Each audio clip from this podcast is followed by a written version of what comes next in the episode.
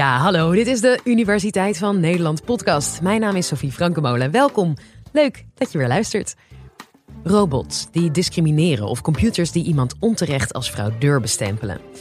Is een toekomst met kunstmatige intelligentie wel zo rooskleurig? Neuroinformaticus Senai Gebriab van de Universiteit van Amsterdam vertelt je er meer over in deze aflevering. Dit is de Universiteit van Nederland. Hoe ziet ons leven er over 30 jaar uit? Geen last meer van files, omdat we er met onze voertuigen overheen vliegen. Een zwerm van kleine robots in ons lichaam die kankercellen detecteren en uitschakelen. Of wie weet kunnen wij straks wel apparaten besturen met onze gedachten. Alleen al door mijn gedachten springt de lamp aan. Of gaat de muziek aan en speelt precies het liedje af dat ik op dat moment wil horen. Wie zal het zeggen?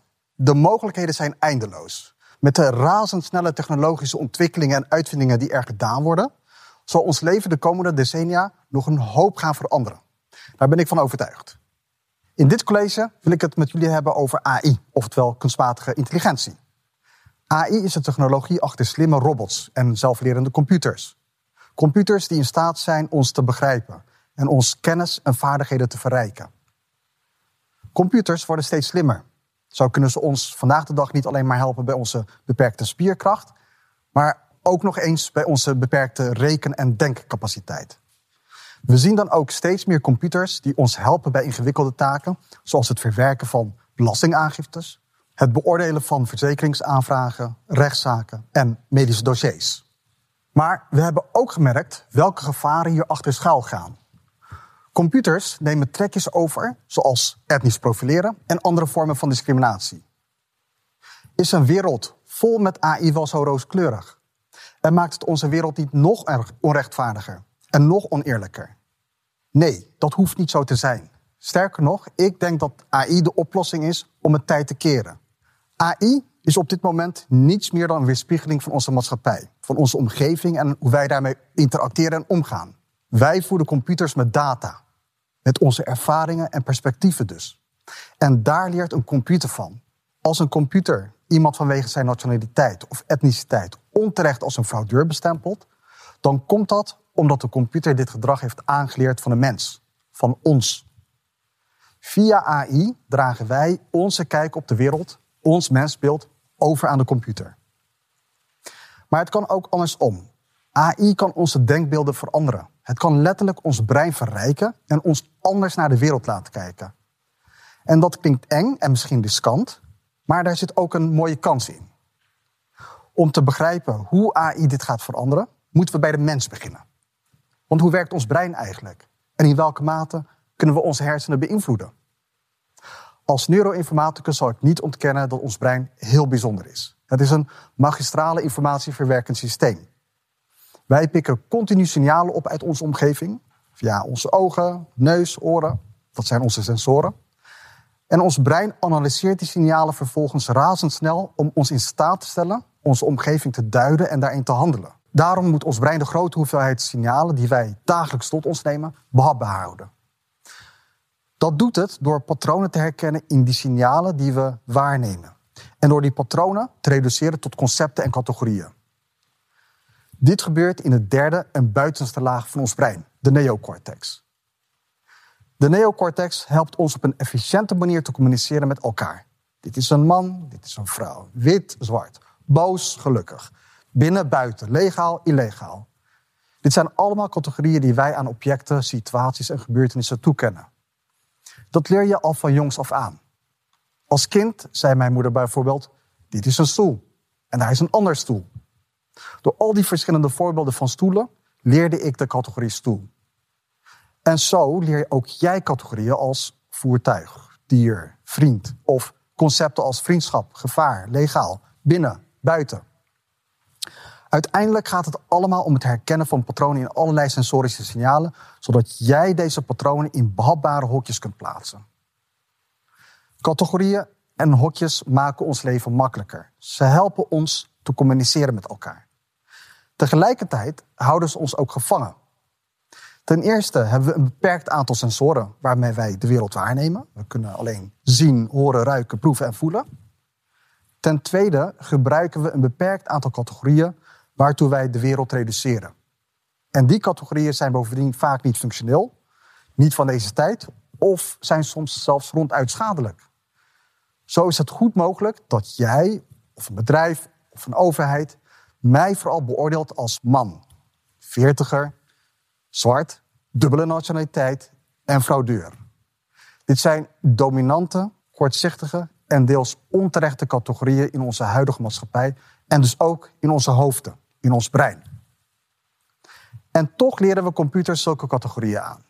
Wij voorzien computers met sensoren die waarnemen zoals onze ogen en oren. Wij voorzien computers met categorieën waar wij zelf dagelijks gebruik van maken. En leren zo computers de wereld te zien zoals wij die zien. Als ik zeg, dit is een stoel en dit is een andere stoel, of dit is een witte man en dit is een zwarte man, dan train ik de computer om exact dezelfde categorieën stoel en subcategorie zwarte man aan te houden als wij dat doen. En dat is handig, want zo kunnen we computers van ons laten leren en kunnen we makkelijker met computers communiceren. Maar met deze categorieën zadelen we computers ook op met onze eigen tekortkomingen. Het gevaar is nu dat computers onze beperkte kijk op de wereld, onze hokjes denken en onze fouten overnemen van ons en zelfs versterken. Aan het begin van dit college zei ik dat AI ons de kans biedt om ons te helpen bij onze menselijke tekortkomingen. Met behulp van AI kunnen wij computers bouwen die ons brein helpen om onze hokjesdenken te doorbreken. Of beter gezegd, om oude, betekenisloze of schadelijke categorieën te vervangen of aan te vullen met categorieën die het individu beter tot zijn recht laten komen en ook het algemeen belang dienen. Je zult mij misschien, zoals eerder gezegd, plaatsen in een paar hokjes. Man, zwart, veertiger. En op basis daarvan een oordeel hebben over mij. Een computer kan mij op basis van allerlei beschikbare data over mijzelf, mij daarnaast ook categoriseren als vader, iemand met een vluchtverleden, voetballiefhebber, wetenschapper, etc. Elk van deze categorieën geeft een aanvullend perspectief van mij, die bepalend kan zijn in hoe een ander mij ziet en behandelt.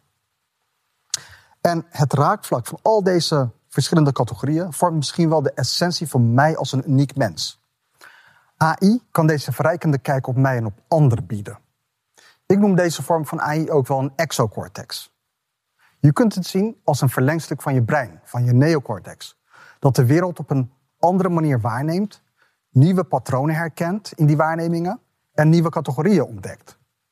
Categorieën waar jij en ik misschien zelf nooit eerder aan gedacht hebben of aan hadden kunnen denken vanwege onze beperkte waarnemingsvermogen. En helemaal nieuw is dat idee van een exocortex niet. In zekere zin zou je ook nu al kunnen spreken van een exocortex. De grote big tech bedrijven hebben de maas in ons brein namelijk al lang al gevonden. Zij voeden ons brein continu met social media berichten. Nemen ons social media gedrag waar. Vangen ons in nieuwe categorieën en groepen. En zetten ons vervolgens aan tot bepaalde koopgedrag of zelfs stemgedrag. En dat is niet per se positief, want deze bedrijven hebben hun eigen business of machtsmodel. Zij categoriseren en ordenen de wereld op een manier die de eigen winst- en machtspositie versterkt. De CEO van Facebook gaf een aantal jaar geleden al toe dat zij als het ware de macht hebben om ons brein te gijzelen. Zij beïnvloeden jouw waarnemingen en daarmee ook wat er zich afspeelt in jouw brein. Zij beïnvloeden jouw blik op de wereld. Als wij onze wereld willen herontdekken en onze kijker op willen verrijken op een manier die recht doet aan onszelf, aan anderen en aan de natuur, dan kunnen wij de ontwikkeling van de AI, van de exocortex, niet overlaten aan globale techbedrijven. De manier waarop wij de exocortex nu bouwen, zal moeten veranderen. Het moet bottom-up en lokaal ontwikkeld worden. Door onszelf en voor onszelf dus. Wij moeten er zelf zorg voor dragen dat wij AI op zijn minst voeden met eerlijke en rechtvaardige data over onszelf en onze omgeving. Neem nou als voorbeeld de 175 emojis die globale techbedrijven nog maar 10 jaar geleden introduceerden als een universele en effectieve manier van communiceren. De emojis zijn beperkend en vaak niet representatief. Zo duidt de klappende hand-emoji in sommige culturen op geslachtsgemeenschap. Onder druk van mensen wereldwijd die zich niet gerepresenteerd voelden door deze emojis en daarom petities voerden, hebben globale techbedrijven sinds 2010 elk jaar nieuwe emojis toegevoegd. Emojis die lokale culturen en vormen van communicatie beter vertegenwoordigen. Dit is een goed voorbeeld van hoe representatie in technologie bottom-up en lokaal gevormd kan worden. Maar we kunnen nog een stap verder gaan. Ik leg dit uit aan de hand van emotieherkenning. Er zijn zes basiscategorieën van emoties, waarvan al heel lang wordt aangenomen dat zij universeel en compleet zijn, zoals geluk, verdriet en angst. Met behulp van AI-technologie leren computers deze emoties te herkennen op basis van gezichtsexpressies. Ik kan een computer allerlei gezichten van mensen met verschillende expressies geven. En die computer leert die visuele patronen die het mogelijk maken om verschillende emoties te herkennen. Maar de vraag is, zijn deze emoties wel universeel en compleet? Misschien bestaan er ook nog andere categorieën van emoties waarvan wij het bestaan nog niet weten. Een emotie die in een andere cultuur of plek op aarde wordt geuit. Met AI-technologie kan zo'n nieuwe emotie ontdekt worden door jou. Je kunt zelfs denken aan emotieherkenning op basis van sensoren die bepaalde bewegingen of warmtepatronen in kaart brengen. En op die manier nieuwe emoties, nieuwe vormen van communicatie ontdekken. AI biedt vele mogelijkheden. Het kan ons nieuwe inzichten geven over hoe wij met elkaar omgaan of zouden moeten omgaan. Wij mensen onderling. Maar we kunnen ook dieren en de natuur ineens op een hele andere manier gaan ervaren. We kunnen met allerlei sensoren nieuwe signalen oppikken uit onze omgeving, waar wij een betekenis aan kunnen geven die wij ons nu niet kunnen voorstellen. Denk aan een sensor die infrarood meet of een sensor die temperatuurverschillen waarneemt. Zo kunnen we al bomen in gebieden waar veel gebouwd wordt voorzien van sensoren die stress meten, zodat bomen zelf kunnen aangeven wanneer er gestopt moet worden met bouwwerkzaamheden. En NASA voorziet haar satellieten al met verschillende sensoren die elk de aarde op een compleet andere manier waarnemen. Met AI kunnen daar patronen in worden ontdekt die als het ware de gemoedstoestand, de emotie van de aarde weergeven. Het zal mij niet verbazen als wij in 2050 elkaar en de wereld op een hele andere manier zien. Dankzij allerlei objecten, zoals stoelen, planten, auto's, robots, satellieten. Objecten die voorzien zijn van ogen, oren en andere sensoren. En voorzien zijn van AI-technologieën die die signalen die die objecten opvangen, interpreteren en in een voor ons begrijpbare uh, woorden en categorieën. En misschien zullen we nog een stap verder gaan. Geen objecten met nieuwe sensoren, maar mensen met slimme geïmplanteerde sensoren. Bijvoorbeeld een antenne in je hoofd waar je kleuren kan voelen. Of emoties kunt delen met anderen. Dat is pas een echte exocortex. En hoewel dit verre toekomstmuziek lijkt, is het dichterbij dan je denkt. Kunstenaar Neil Harbison heeft al een sensor in zijn hoofd. Door deze sensor kan hij kleuren voelen en horen. Hij ervaart de wereld op een geheel nieuwe en verrijkte manier. Daarmee zal hij niet direct al zijn hokjes verbreken, maar hij vergroot wel zijn sensorische vermogen. Hij voedt zijn brein met nieuwe waarnemingen waarin allerlei nieuwe patronen en categorieën ontdekt kunnen worden. Goed, of we in 2050 allen met een geïmplanteerde sensoren lopen, weet ik niet. Dat hoeft ook niet om de wereld op een geheel nieuwe en verrijkte manier te zien. We hoeven niet allemaal kunstenaar Neil Harbison te zijn. En bovendien bestaan er al genoeg data, sensoren en technologieën die kunnen helpen om de vaste kaders in ons brein te doorbreken. Wat we wel van kunstenaar Neil Harbison kunnen leren, is zijn eigenaarschap. Dat had hij al als tiener, toen hij enkele dagen in een boom leefde om te voorkomen dat bomen in zijn buurt zouden worden gekapt. Zijn initiatief werd gesteund door meer dan 3000 mensen die een petitie ondertekenden om de bomen te behouden. De bomen werden uiteindelijk niet gekapt. Als volwassene gaat Neil Harbison nu een stap verder met zijn sensor. En is hij misschien zelfs in staat met bomen te communiceren, bomen een stem te geven. Of mensen, wiens stem niet gehoord wordt, of wiens emotie niet gevoeld wordt.